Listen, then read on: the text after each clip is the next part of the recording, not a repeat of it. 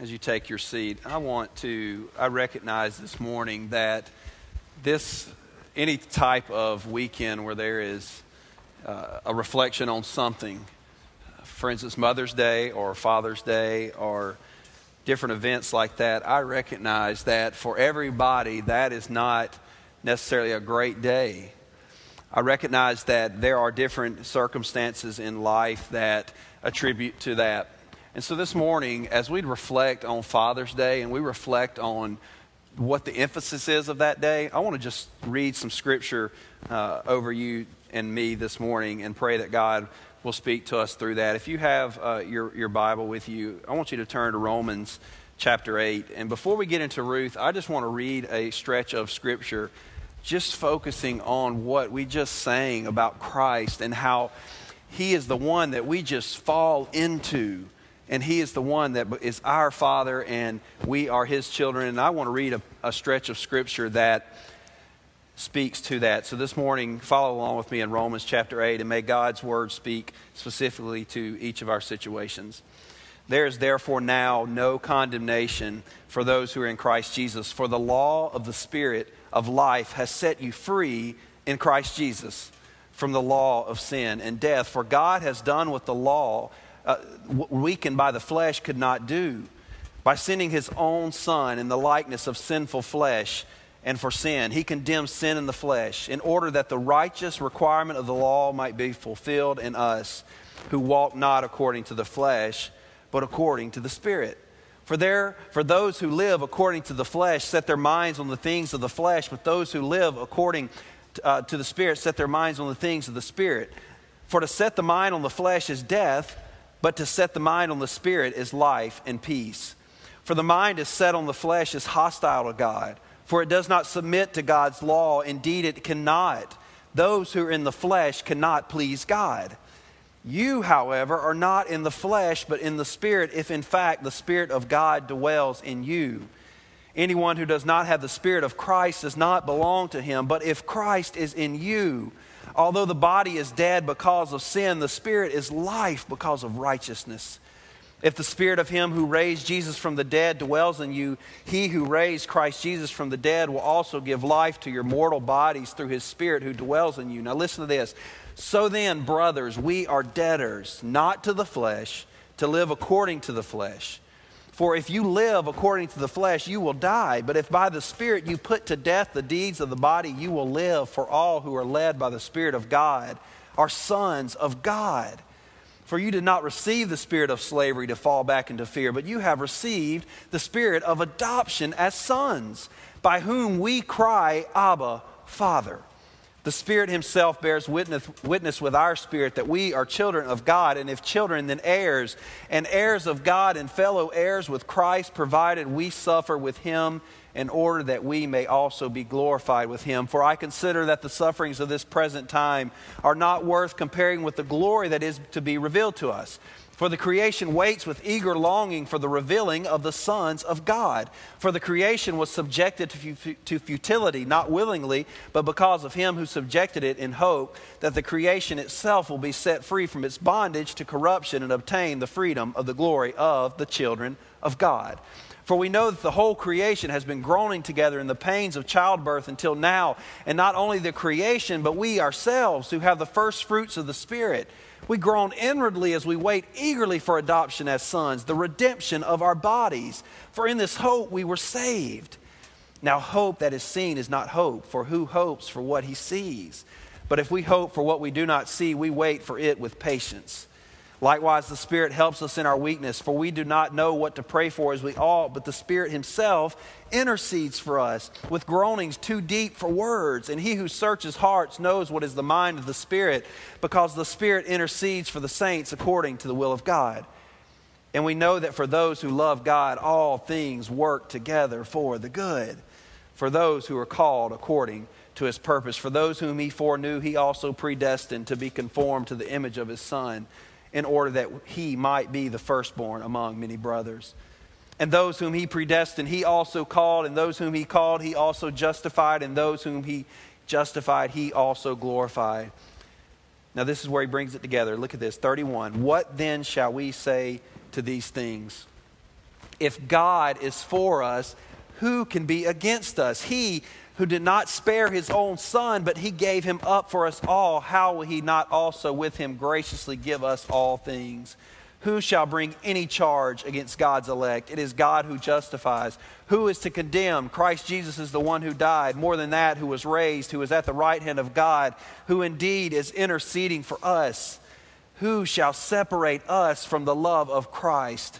Shall tribulation or distress or persecution or famine or nakedness or danger or sword? For as it is written, For your sake we are being killed all the day long. We are regarded as sheep to be slaughtered. But no, in all things we are more than conquerors through him who loved us.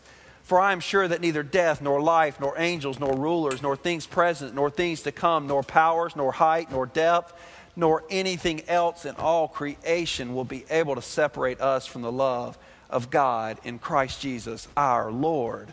Amen?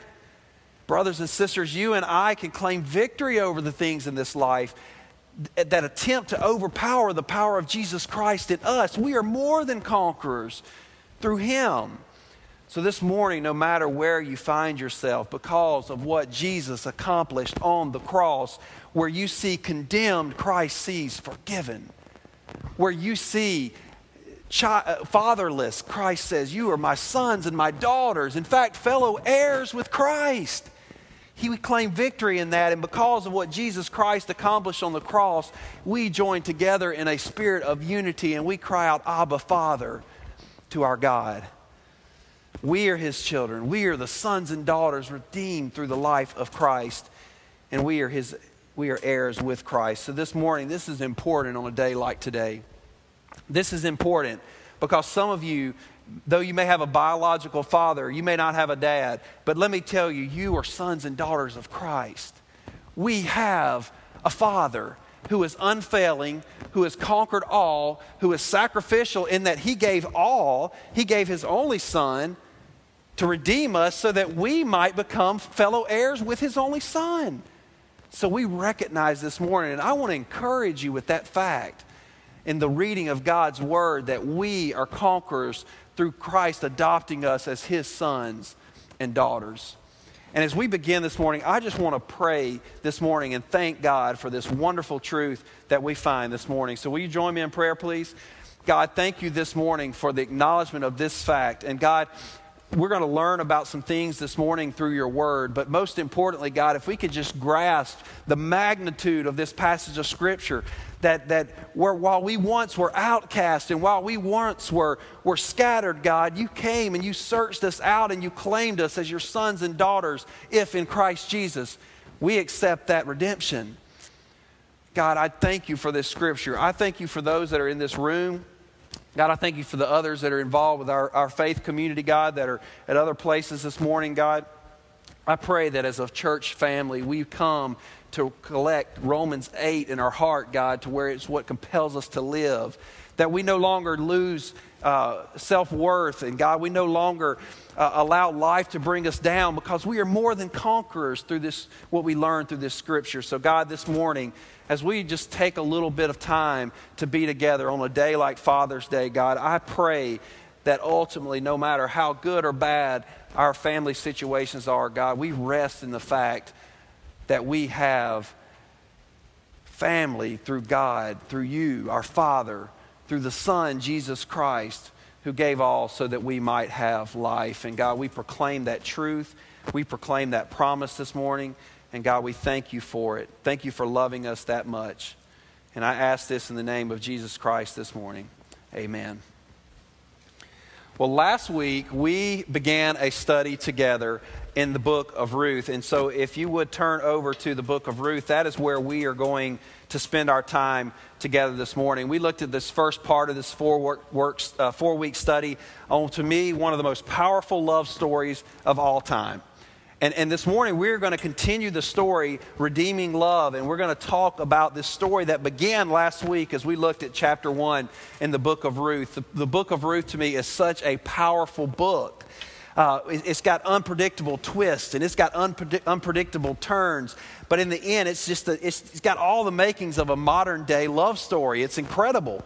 I mean, we, we talked and began last week and saw how the trials came in, and there was just great, uh, you know, just oppression. And we're going to talk about that in just a minute. But the book of Ruth you know, is just so, I mean, it's just got the makings of a Hollywood love story, man. I think Hollywood missed this one because it's got all the things that make that up. And I shared with you last week about how uh, Carmen, my wife, enjoys uh, uh, romantic comedies, you know, and I've got this little game I like to do, and it's, it's basically uh, where I try to, you know, blow the plot within the first five minutes of the movie. And, uh, and she loves that because she loves the intrigue that's built up along the whole storyline. But I like to watch it when they introduce the first three or four characters. You know, I sit back kind of quietly for about five minutes, then I'm like, all right, she's going to end up with this guy. But first of all, he's going to make her mad with this girl. And I always get it right, but it's really frustrating to her. And then the way I spend the next movie is I usually sleep for the next hour. And then I wake up to see that I was right. Got it right the whole time. And, and so I'm like, okay, see, I got a nap and I know what was going to take place. And, and, uh, but, but, but I mean, Ruth is full of this type of thing. And, and guys, I, I hope, I hope that through this study of Ruth, you get more information than just uh, how not to date uh, your significant other. Uh, but, uh, but this story is just wrapped up in all this, this love and, and, and between a, a man and a woman, but also how that, what that, how that plays itself out to us as followers.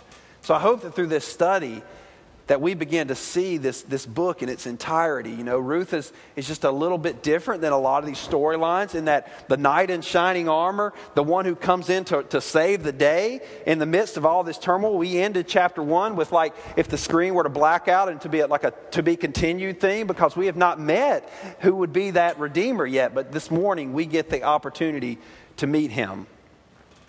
And so, for those of you who missed last week, I want to kind of bring you up to speed on where we're at in the story of Ruth because you need to understand the elements of, of what took place in chapter 1 in order to grasp what we're going to look at this morning in chapter 2. We talked last week about how Ruth takes place in the time of the judges. It, it, it sequentially comes after the book of Judges, but in the time period, uh, there's this 400 year period from when Joshua led the Israelites into the promised land, and there's this period of time before uh, an earthly king was given, despite uh, uh it being against God's will for the Israelites. But there, the judges just oversaw the nations. And we talked about how this period was. It was a very, very bad time for the nation of Israel. I mean, it was very bad. Uh, you know, they were just kind of, uh, we have so much going on in this passage that appear to lack the presence of God in their lives. It seemed like God, Yahweh, to them, it, it seems like He was nowhere to be found and He was not in the middle of the circumstances. And it was just a really bad time of moral decline among the Israeli nation. And it kind of attributed to their situation. I mean, this is Israelites gone wild. These guys were, if you look in Judges 21, it says they were just doing whatever they wanted to do. People were just running wild. And then we are introduced to the first character in this story named Naomi. And we talked about the history of Naomi. And there was this, due to a great famine in the land of Bethlehem, which is the city of bread, which is kind of ironic. And we'll see the irony that comes back into play in that. But, but in the middle of this, there's this great famine, and they're without food, they're without provision. And so Naomi's husband, Elimelech, takes his family and they, due to his lack of faith, he moves his wife and he takes his two sons and they move to this land of Moab, which is a very, very pagan place. It was very pagan. They worshiped pagan gods and there was no acknowledgement of Yahweh anywhere. They had their own set of gods that they worship. And so what we find here is, is Elimelech and Naomi and their two sons, they go and they, they leave Israel. You know, God, they, they were having a, a famine in the land. And so they said, why don't we go and we look elsewhere? So they end up in Moab. And now the Moabites, where we, we talked last week, were born from a lineage of, a, of an incest relationship between Lot and his two daughters in an attempt to, to have offspring for Lot. They, the, his daughter slept with him, and, and they conceived a, a, a child, uh, two, two boys.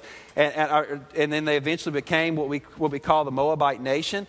And so Moab wasn't the suburbs. This was not where you wanted to end up. It's not like you just, they were, they were moving, moving out to, to, the, to the greener pastures. They were just saying, they were, you know, they kind of lost trust in provision, and they were just looking.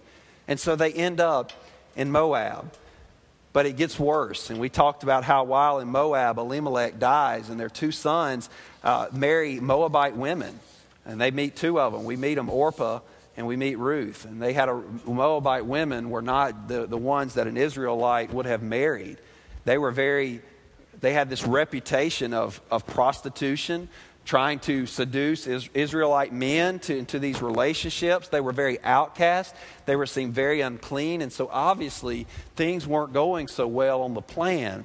Elimelech leads his family. And if you understand travel, this was not like just a let's catch a quick flight over to Moab and see what's going on there. He uproots his family and they move to this pagan land. In the midst of that, Elimelech dies. And then eventually his sons die after 10 years of, of childless years of marriage. So we find Naomi in this foreign land with no family except two pagan Moabite women. And so we find this, this tragic situation taking place here. And we learn in chapter 1 that Naomi hears news. She said, I heard a word that Yahweh had visited his people in the fields and had brought provision. And so, trusting that word, she goes and she decides that her and her daughters in law will return to the people in Bethlehem. She has great bitterness in her life. And in the midst of the travel, as she goes along the road, she gets so bitter to the point that she tries to convince her daughters. She's like, Look, y'all need to just go back to your land. You know, maybe Yahweh will show favor to you. Maybe He will act kindly to, towards you. And we talked about how the kindness that is mentioned here, when Naomi tells her daughters, maybe Yahweh will act kindly towards you. It is represented by the word and the nature of God called the Hesed. And it's a word that is a cluster that, that, that basically it, it talks about a grouping of the characteristics of God. And we, Hesed is such a complex word that it cannot even be translated into one English word. And so we know that it, it's just this cluster of the characteristics of God. And I pause there to say, you know, what a great God, a God that is so full of, of so, such divine characteristics that it's hard to even put into word the magnitude of God. Well, on the road, Naomi tries to convince Orpah, uh, and not, not Oprah. Uh, you know, if it had been Oprah, she would have just tried to take it on herself to save the world. But she's not able to do that. So we're talking about Orpah here. And so she tries to convince Orpah and Ruth to return to their homeland for their own good. She says, You know, you need to go do that. Orpah leaves Naomi, but Ruth refuses, and she says the classic line of chapter 1 Where you go, I will go. Where you lodge, I will lodge. Your people will be my people, and your God will be my God. The verb used to describe the intensity by which Ruth just clung to Naomi, where, it says she stayed with her, it was the equivalent of her clinging to her physically. She would not let Naomi go. She was that faithful to her. And so we see this moment in the life of Ruth where a, trans, a transfer starts to happen. Ruth, who grew up in a very pagan culture and who would have, who have not had an acknowledgement of the God of Israel. And we see that she has this moment where Yahweh the, the God of Israel, where, where she would have recognized him as Elohim, which was the, just a, a generic name for God, she now takes him as her own, Yahweh. And she says that may Yahweh deal with me with death if I ever leave Naomi. So she has her moment. And when Naomi returns back, now we see Naomi and her, her Moabite daughter in law. They enter back into the land of Bethlehem, and she is greeted, and people you know, are speaking to her, Hey, Naomi, which means pleasant. And Naomi says, Do not call me Naomi. Call, call me Mara, which literally means bitter. She attributes her circumstances to the fact that Yahweh had dealt bitterly towards her.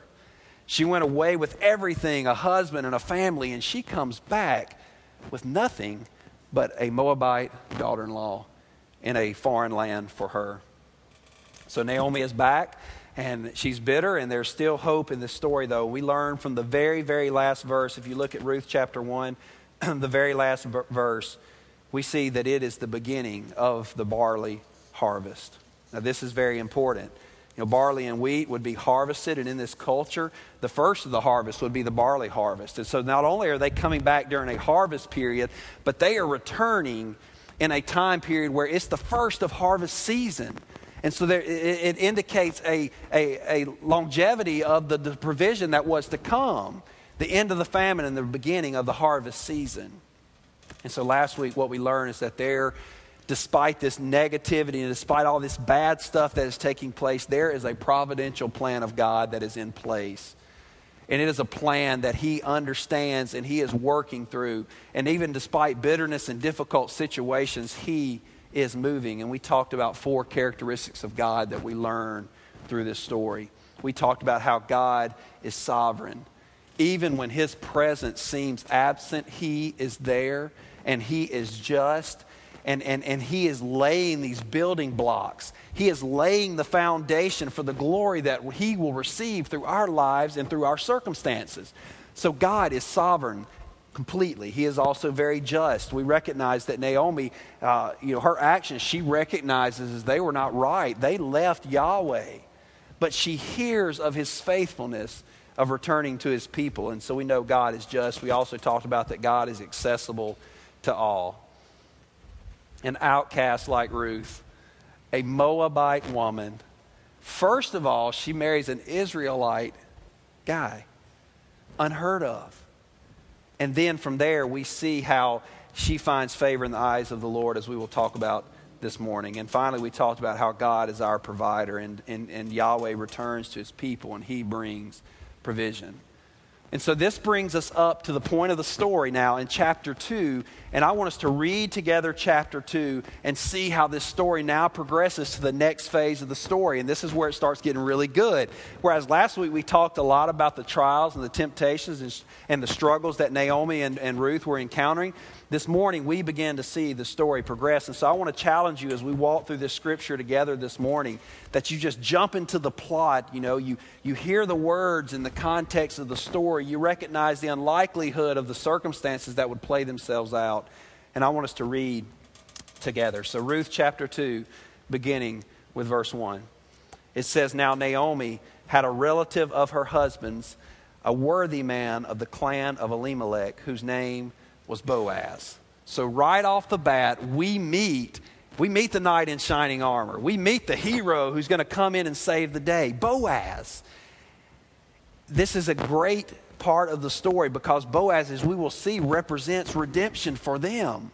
You know, my kids are into the Disney princesses, and so I watch very few movies that don't have a knight in shining armor. And so this is where the part of the story you get really revved up because now we see bad stuff happening, bad stuff happening. You know, three widows, two return to this land, and then here comes Boaz. It just so happens there was a relative of Elimelech named Boaz. Now, this is a pivotal part of the story, and it's pivotal for a couple of reasons. One, the first thing we learn is that Boaz is of the clan of Elimelech. During the Israelite culture, you basically would have individual family groups, and those individual family groups would work, and they would kind of be what would be called a clan, and then a cluster of these clans would be a tribe. So that tells you a little bit about when you read this terminology.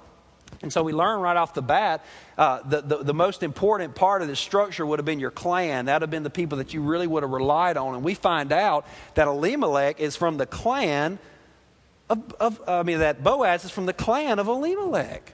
What a great story. And we begin to see the bizarreness and the, the, how God is working this plan together. And this is huge because Boaz, as we learn in this passage, it says he was a worthy man.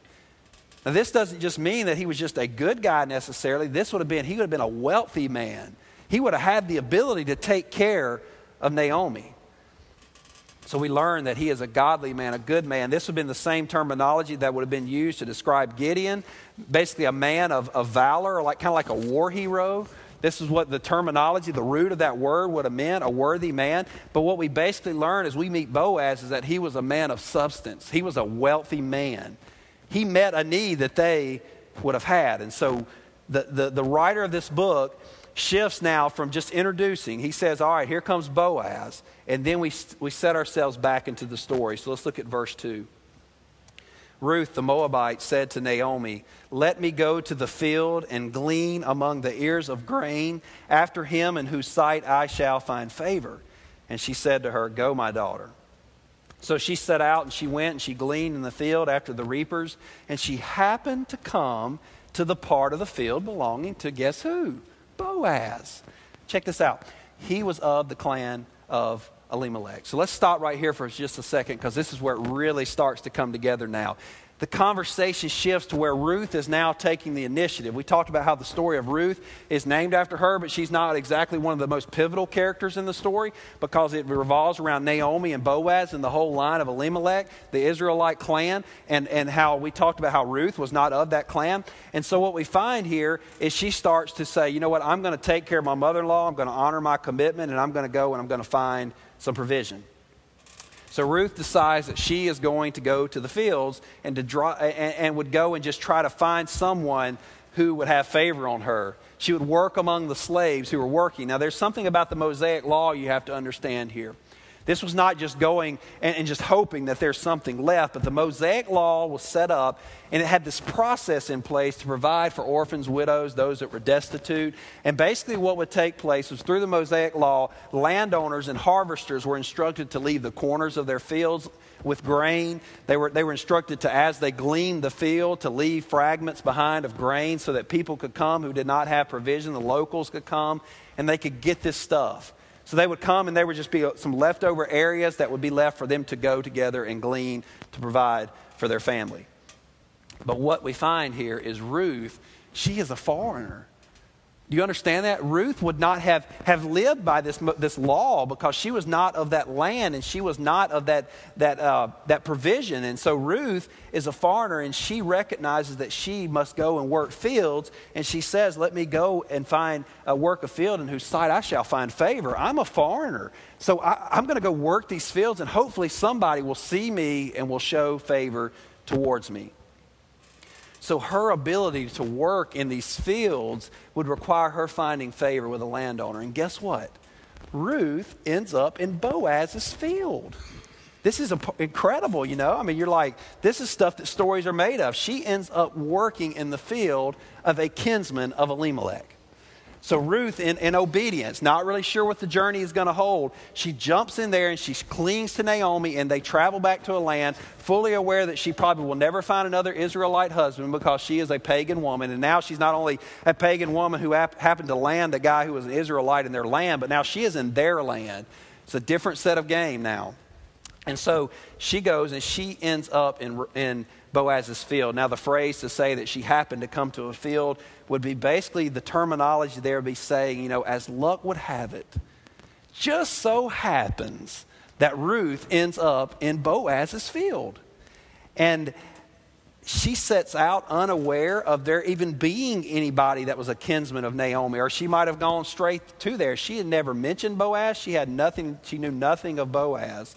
And she finds herself working in the field. Now, I want to stop right there and reiterate one key thing about this. While it's written as a, as a story and it talks about and it says, you know, as, as chance might have it, I want you to understand the writer's intent here because I want to remind us that nothing about God's providence is left to chance. Nothing. This is not by stroke of luck. This is not by just so happen. He is totally sovereign, He is completely knowing, and He is working and moving according to His will. What, that, what the writer may have seen as chance, God was doing something significant through this story. So, what is seen by the writer, and I think intentionally written this way, is that by chance she happens to work in his field, but we know that it was God's plan all along. That was what God's purpose for this story was. And this is providential for us for two reasons. I think it's important that we don't just say that it just so happened. This is very critical to this storyline. One, she arrives at the field of a gracious man, a person who, out of the goodness of his heart, would let her work in that field. So the first thing is she finds favor in someone's field. She is a foreigner. If she had, she could have arrived in the field of a gracious man, and, and, and she could have saved their family from their actual situation uh, of needing provision. But what we find is not only is she find uh, goodness, goodness and favor in a man's eyes, but it is their kinsman redeemer. We will learn later that Boaz is one of the ones in the family that could save the family because he was from the clan of Elimelech. So let's not forget that. This is not just that he was a wealthy man, it was not that he could just write the check, but the only person by the structure of the Israelite nation that could save the family would have been a kinsman redeemer from their clan. And so this is important to you and me. There's a parallel here. as we compare this to our life in Christ, let us not forget that it is only through Jesus Christ that we can be redeemed. It's only through what He did that we have the possibility for life. We cannot ever be good enough or bad enough to not, to not find favor before God. He said, Jesus said, I am the way, I am the truth, and I am the life, and no man comes to the Father but by me. So we recognize that just as Boaz was the only person that could have redeemed the situation in our life, Jesus Christ is the only one that could reach in and touch our situation. So now it's really starting to get going. Let's look at chapter 4. Excuse me, chapter 2, verse 4.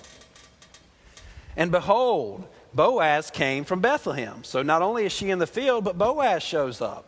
And he said to the reapers, The Lord be with you. And they answered, The Lord bless you. And then Boaz said to his young man who was in charge of the reapers, Whose young woman is this?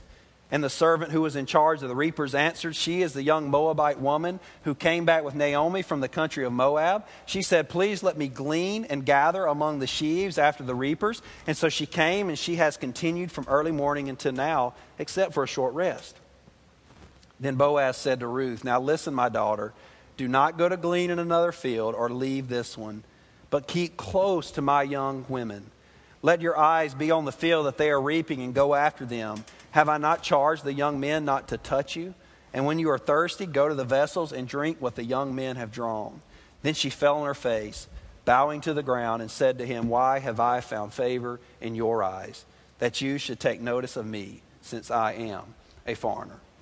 So Boaz enters the field now, and he greets as he probably did. He was a, a, good man. He greets his people, and, and he says, May the Lord be with you. And they reply, The Lord bless you. And so this was probably a normal greeting. When, when Boaz walked into the field, he probably greeted his people in this capacity.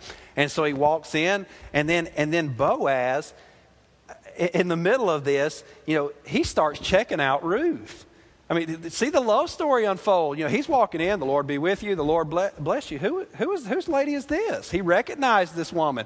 Boaz starts, starts, there's something going on here. He's checking her out. He walks into the field and, and, and, and he begins to say, you know, right off the bat, who is this lady?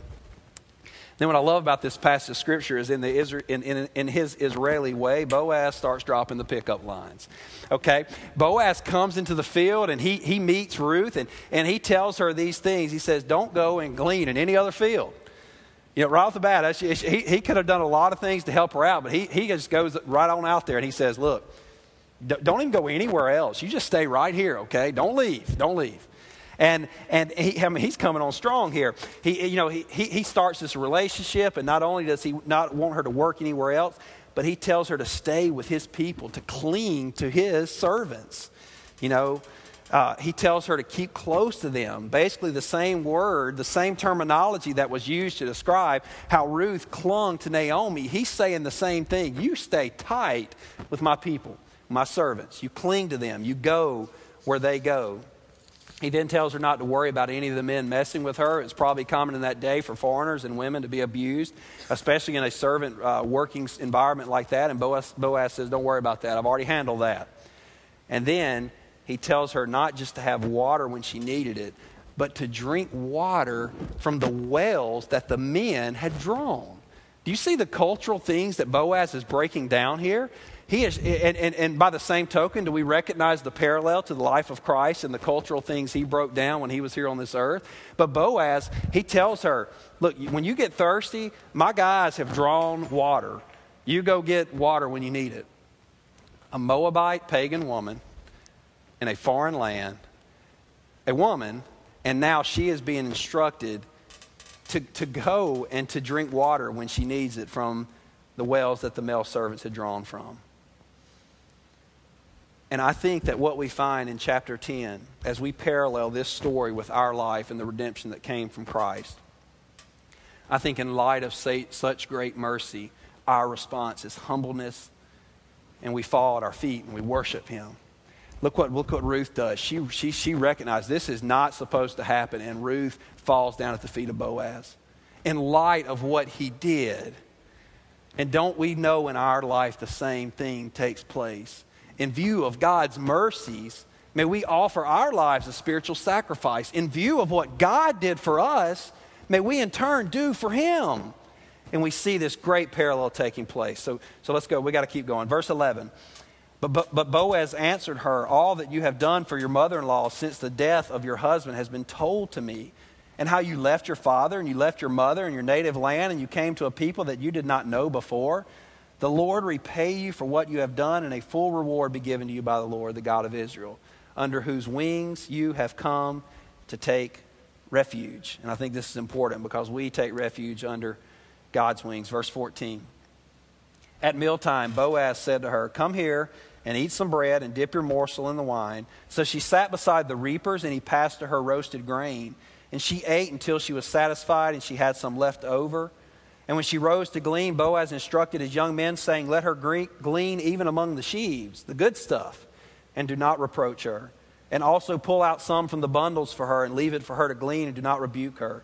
So she gleaned in the field until evening. Then she beat out what she had gleaned, and it was about an ephah of barley. And she took it up and went to the city. Her mother in law saw that what she had gleaned. She also brought out and gave her what food she had left over after being satisfied. So now it's getting really good. This is the first date. You know, Boaz checks her out, and now they're going to share a meal together. Boaz says, Come and eat with me. You know, nothing says romance like a handful of roasted grain. I mean, guys, take note. And, and Boaz, the Lord of the harvest, the provider, Boaz, the one who, who was over this place. When he walked in the field, people knew the boss was there. The landowner was there. He was a man that was very wealthy. And what we find here is when he offers grain to Ruth, this actually means the equivalence of he served her. Boaz, the owner the Lord of the harvest for this particular situation, he serves an outcast Moabite woman. And I don't think I have to draw much symbolism there for you. Jesus, who had the power to redeem you and me, not only brought the provision, but he became like a servant for us. So, verse 17, we recognize that she gleaned in the fields and then she gained a, a large amount of barley and she brought it home. And an ephah of grain would be somewhere two thirds to three fifths of a bushel, somewhere right in there. Let me tell you how that kind of equates to pounds. The average ration for one who was a servant of Boaz, one who would have had the authority by their job to work in that field, each day they might would have gained about one to two pounds of barley. That's what they would take back, and they would take it to their family, and they, that's what would be their provision. Ruth, on the other hand, she walks away that day with about somewhere between 40 and 50 pounds of barley. So check this out. The servants are going home with about two pounds. Ruth is going home with about 50 pounds. So you recognize what happens to Naomi when she, you know, and, and Ruth is a beast now. She loads this stuff up. This would have been the equivalent of what a donkey would have carried. And Ruth loads it up and she heads home with her harvest. And and so she goes home. So you can imagine, in the context of that, Naomi, who was from an Israelite family clan, would have known about what they would have gotten a day. And she comes home with a lot of barley for the family. And I love this because not only does he, she bring all this barley, but she has a to go box from her date. Did you see that? She, she has leftovers. She said, I ate till I was full, and so I've got a little meal for you right here in addition to all this barley that I brought home. And so Naomi, we see in verses 18 and 19, begins to have a change of heart. She asked her, Where did you glean today and where have you worked?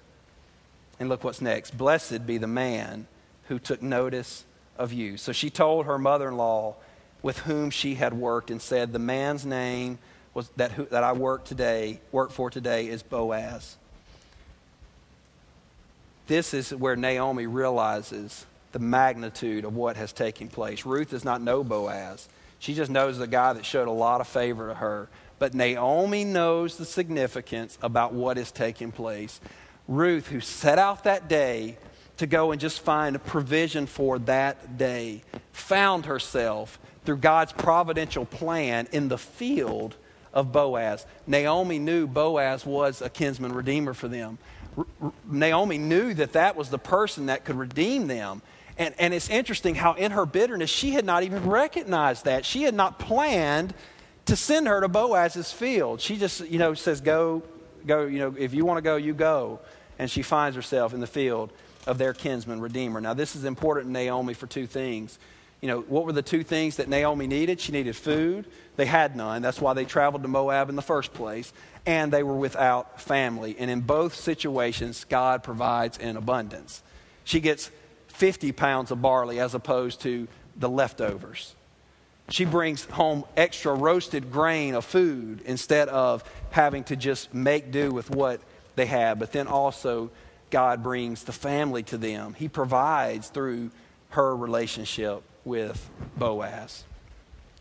As much as I hate to stop the story there, it must stop till next week. But it is such a great passage about a kinsman redeemer. But there are some takeaways from that this morning that I don't want us to forget as I, as I looked through chapter 2 and I, I read it just in its context and I, and I studied the history behind it and the theology behind it, I just can't help but going to see that chapter 2 is what reminds us through this life of Boaz, we see the gospel of Jesus Christ. Plain and simple. That, that's what we get from chapter 2. It is the gospel. And there, it, we see that played out in several different ways. And I want to tell you about just quickly four ways that we see the gospel displayed through this story. First, I think we recognize that our condition does not limit his providence. Our condition does not, live, does not limit the providence of God. Romans 5 8 says that, but Christ demonstrated his own love for us in this while we were still sinners, Christ died for us. In our state of outcast, where we found ourselves in the same situation that Ruth would have been in, that Naomi was, had, had, wandered, we find that Ruth was an outcast. She was destined to be an outcast by her lineage. But long before God revealed a story that she would learn the importance of redemption, He had a plan. He knew her condition, but yet His providential plan was not limited by this condition. Through this, we learn that as followers of Christ, we also have faith stories. God is writing a story that I, I, can share. Look, you know, I can share with you from this book every week, and I can teach you what this book says. But do you know where this really hits home with people? It's when this book transforms lives. And then you have a faith story that he is writing, and as you show that to the world, they can see the truths of this book played out in your life, and it changes people's perception. So, through this, we understand that as followers of Christ, we, I mean, we have to, as our core values even stay, say as a church, we have to adopt this mission together to inform intentional relationships with people. We have to form intentional relationships with people that maybe outside of our fellowship for sure, so we can deliver the same message. Not a message of look at me and you can be like me if you're a part of Christ, but, but to say, no, no, look at my condition and see that despite my condition, look to Him because He's the one that's had this whole plan in place. We are not the ones that are worthy, but God is. So no matter where we find ourselves today, God has a plan, and His providence is not limited by our condition, but we also see that God sees outcasts as His family. What a beautiful parallel to the gospel message. God sees outcasts as his family. Think about the life of Boaz. You see the kind of barriers that Boaz had to break down and cross to show compassion to Ruth. He had to completely destroy cultural. He had to completely destroy just what was he, he was up, he was brought up. He knew when Boaz walked into that field, he didn't just see this hot lady over there gleaning stuff. He could tell she was not an Israelite. She was from a different nation. So there was an instant barrier that had to be broken down because he knew that she was an outcast. But yet, Boaz goes to her and shows her favor.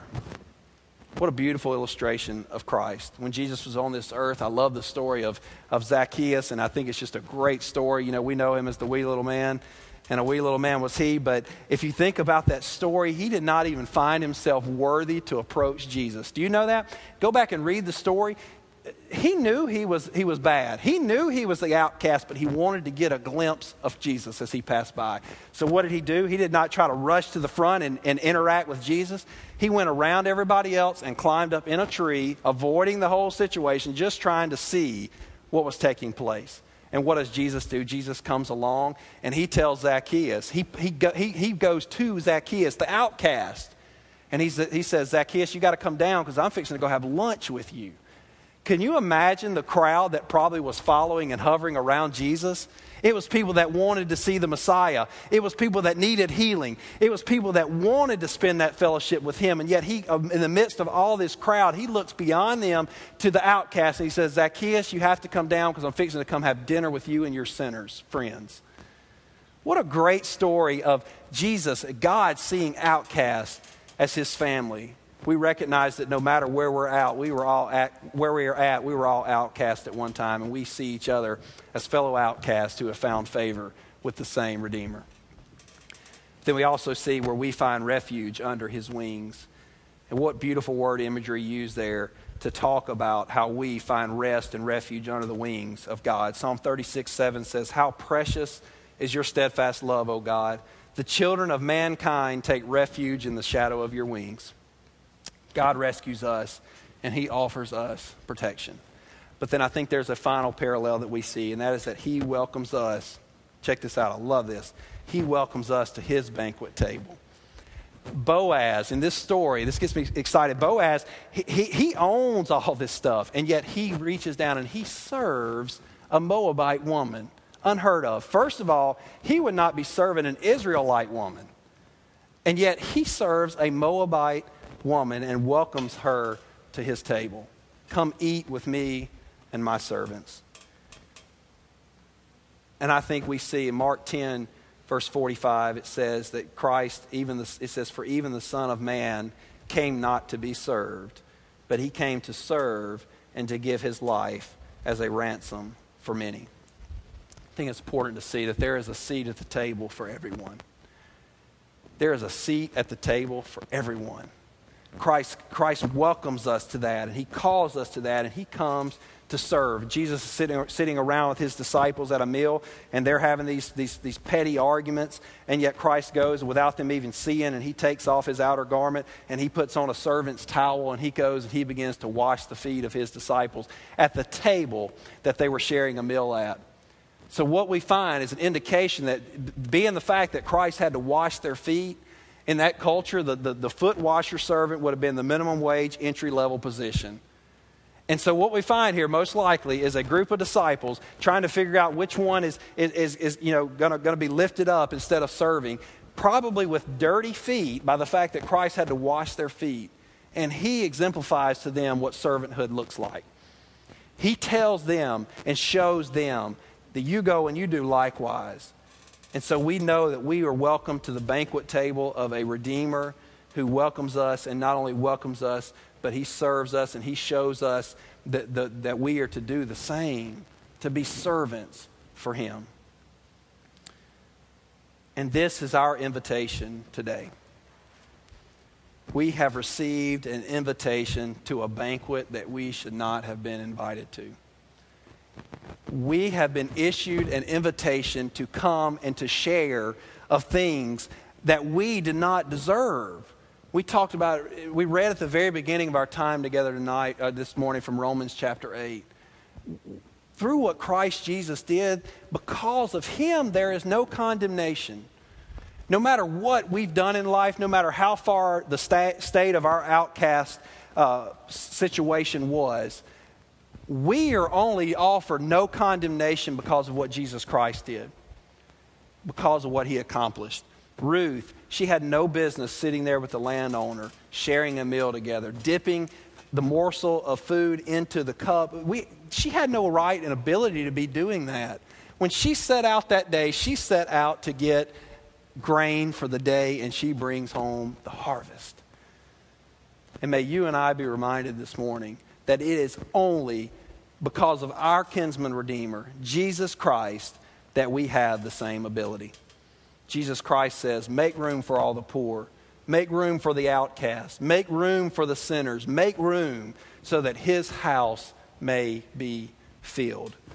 Luke 14, he tells a beautiful parable about a banquet, and he invites everyone in, and he says, You know, go get the poor, go get the outcast, invite them in. They said, and, and the response of the, the homeowner during the, or the, the one putting the banquet on in that parable, they said, but there's still room. He says, well, go get more. My house will be filled.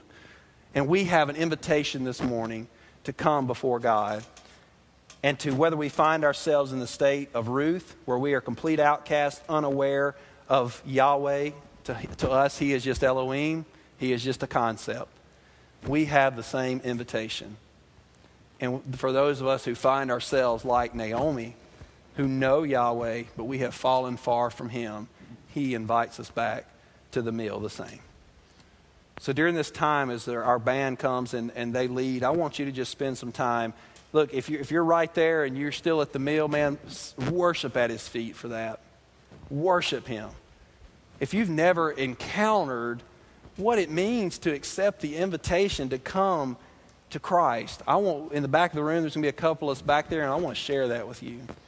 And if you find yourself like Naomi and for a season you have found yourself very bitter towards God, may you see his providence and may you worship at his feet. So let's pray together. God, thank you for this great truth found in your word. God, I thank you so much how your truth God, before any kind of interpretation has to be done, your word just speaks to us, God. Thank you for the truth found in your word. God, I pray that as we spend this next couple of minutes together in worship and just at your before you, God, worshiping you, God, thank you for interceding for us, God. Thank you for finding us in our hopeless state and offering us redemption through your Son. God, thank you that while we were outcast, you said, Come to my table. You know, God, while, while, while we are just, we're so unfaithful and we find ourselves like Naomi, just becoming bitter towards you and just, God, loving the concept of you, but not worshiping who you are. God, may this morning, may we be called back to your feet, God. Just as Ruth, in the mercy shown to her from Boaz, she just fell before him on her face at his feet, God. In view of what you have done for us, may we as well fall before you in worship. So, God, take this time, take this, this, this period where we're just going to spend time before you, God, and I pray that you work in our hearts. And God, we thank you for this truth. In Jesus' name.